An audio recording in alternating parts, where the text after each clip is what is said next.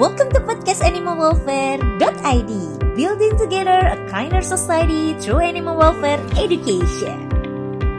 Podcast ini adalah podcast edukasi berbasis prinsip kesejahteraan hewan Berisi tentang tips dan triks yang berguna untuk hewan peliharaan, manajemen shelter hewan, adopsi, dan kepemilikan hewan yang bertanggung jawab Yuk kita dengarkan episode menarik ini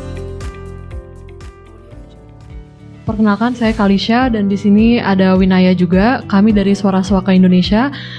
Jadi bagi yang belum tahu Suara Suaka Indonesia, Suara Suaka Indonesia itu adalah uh, sebuah social media platform ya yang uh, tujuannya itu kita mau edukasi dan spread awareness tentang kesejahteraan hewan uh, tentunya di Indonesia. Lalu tahun kemarin di tahun 2021 lakukan program sterilisasi dalam uh, kecil-kecilan ya dan itu nama programnya TNR atau Trap Neuter Return Program.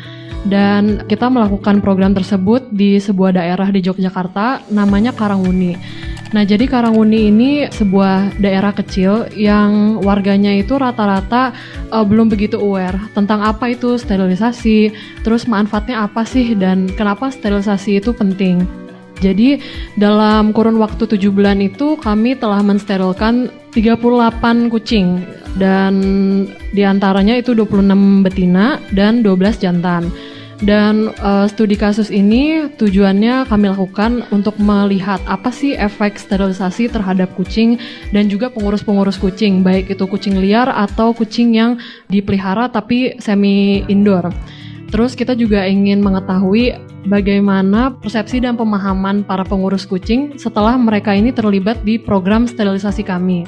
Dan untuk metode studi kasus ini kami hanya melakukan Google Survey sederhana jadi uh, ini kita bagi menjadi tiga bagian. Yang pertama, kita ingin mengetahui informasi uh, tentang demografik responden kita. Lalu yang bagian yang kedua, kita ingin mengetahui uh, feedback apa sih yang pengurus-pengurus kucing itu dapatkan dari program sterilisasi ini. Misalnya uh, apa perubahan-perubahan yang bisa dilihat dari kucingnya setelah disteril. Lalu bagian yang ketiga, uh, kami juga ingin mengetahui uh, seberapa paham sih pengurus kucing itu uh, terhadap program kami gitu. Ya, jadi ini adalah hasil surveinya. Uh, ini bagian yang pertama yaitu demografik. Ini saya singkat aja. Jadi uh, di sini kita ada edukasi, ada usia dan ada gender dari responden kami. Jadi itu mayoritas responden kami itu sudah uh, selesaikan program akademik S1 sampai S3, lalu umurnya dari 17 sampai 25 tahun mayoritasnya dan mayoritas respondennya itu adalah uh, wanita. Jadi um, menurut studi yang dilakukan oleh uh, McKay tahun 2009 ada korelasi antara gender seseorang, lalu usia seseorang dan juga um, educational background uh, yang mempengaruhi apakah orang itu akan mensterilkan kucingnya atau tidak. Jadi uh, ini yang bagian yang kedua yaitu informasi tentang kucingnya. Jadi uh, pertama-tama kita mau tanya pengurus-pengurus uh, kucing yang telah involve di program kita ini sebenarnya punya kucing di rumah atau hanya uh, semi owner saja. Jadi di sini 80% uh, ternyata punya kucing dan kucingnya ada indoor. Lalu question yang kedua uh, itu kami menanyakan juga ada berapa kucing yang punya di yang dipunyai di rumah dan berapa dari kucing itu yang sudah disterilisasi. Dan hasilnya 60% uh, menjawab bahwa mereka punya satu kucing saja dan sudah disteril. Oke, untuk pertanyaan selanjutnya kita membuat ini sebagai open-ended questions, jadi kita bisa mendapatkan banyak alasan dari satu responden bisa mendapatkan dua atau lebih alasan.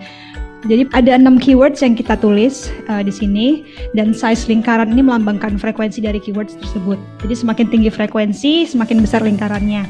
Untuk uh, dua keyword pertama memang merujuk ke population control, uh, itu memang alasan mengapa sterilisasi dilakukan dan dilanjutkan uh, dengan apa yang kami anggap secondary benefits yang berhubungan dengan kesehatan, perilaku seksual. Terus juga dilanjutkan dengan nomor 4 dan 5 bisa dianggap sebagai indirect benefits mungkin yang cukup umum dan uh, satu peserta memberikan jawaban yang kita ubah uh, keywordnya menjadi di nomor 6 ini merujuk keuntungan sang pemilik jadi quote and quote beliau mengatakan supaya tidak memiliki anak agar tidak repot Untuk question keempat, yang ini kita ingin mengetahui apa sih perubahan kucing yang mereka punya, yang mereka lalui. Jadi keyword pertama yang paling disebut adalah kucing menjadi jinak, menjadi ramah, sehingga kami tulis sebagai docile behavior. Tapi ini memang bukan uh, primary reason kenapa orang-orang melakukan sterilisasi.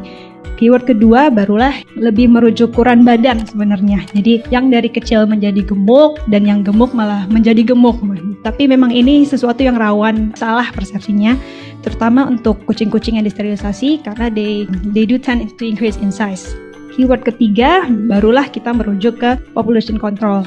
Ini hal yang peserta ekspektasikan dari sterilisasi. Keyword keempat merujuk kepada perilaku seksual, terutama di kucing jantan, dan keyword kelima merujuk ke kondisi lingkungan yang lebih bersih.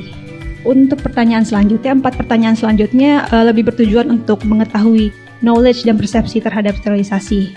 Jadi uh, kami menanyakan seberapa penting sterilisasi ini, dan uh, alhamdulillah memang cukup tidak ada yang mengatakan kalau sterilisasi itu tidak penting. Lalu pas pertanyaan selanjutnya peserta ditanyakan juga pengertian mereka terhadap sterilisasi. Memang uh, disayangkan ada beberapa yang merasa kurang mengerti. Jadi karena kami asumsikan setelah kita memberikan uh, dialog edukasi sebelum sterilisasi mereka akan lebih mengerti. Tapi kenyataannya mungkin kita harus lebih memberikan effort.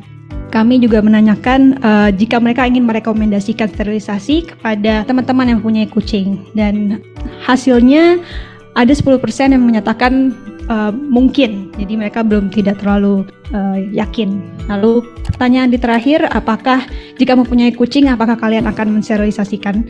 20% mengatakan mungkin, tapi kita bisa asumsikan ini karena uh, mungkin alasan dari uh, peserta kita uh, mengikuti steril ini karena gratis, jadi mereka tidak mengeluarkan dana sehingga jika mereka dihadapkan dengan pilihan sterilisasi berbayar, mungkin mereka harus berpikir terlebih dahulu kesimpulan yang kami dapatkan dari studi kasus ini, peserta itu benar-benar puas dengan dampak sterilisasi. Ada beberapa hal yang memuaskan ekspektasi mereka. Ada perubahan yang terjadi di luar ekspektasi mereka, tapi ada juga perubahan yang mungkin masih perlu dilihat, perlu waktu.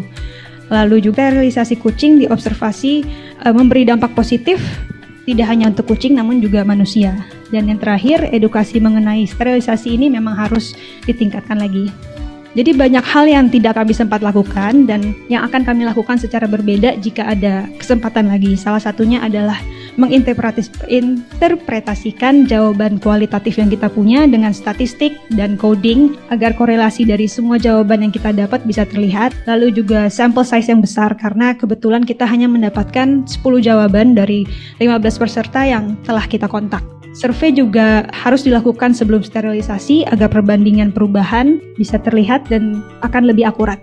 Dan yang terakhir adalah melakukan survei dalam rentang waktu yang cukup setelah uh, sterilisasi karena kebetulan survei ini dilakukan setahun setelah sterilisasi. Uh, walaupun hasil yang kami dapat itu berbanding lurus dengan jurnal yang telah kami baca, tapi sangat memungkinkan untuk perubahan ini terjadi karena faktor eksternal yang tidak kita ketahui. Uh, demikian presentasi dari kami. Mohon maaf apabila ada kesalahan atau kekurangan. Terima kasih. Thank you for listening to podcast animalwelfare.id. Semua informasi ini dapat diakses di website animalwelfare.id. Jangan lupa subscribe, like, dan share ya. See you in the next episode.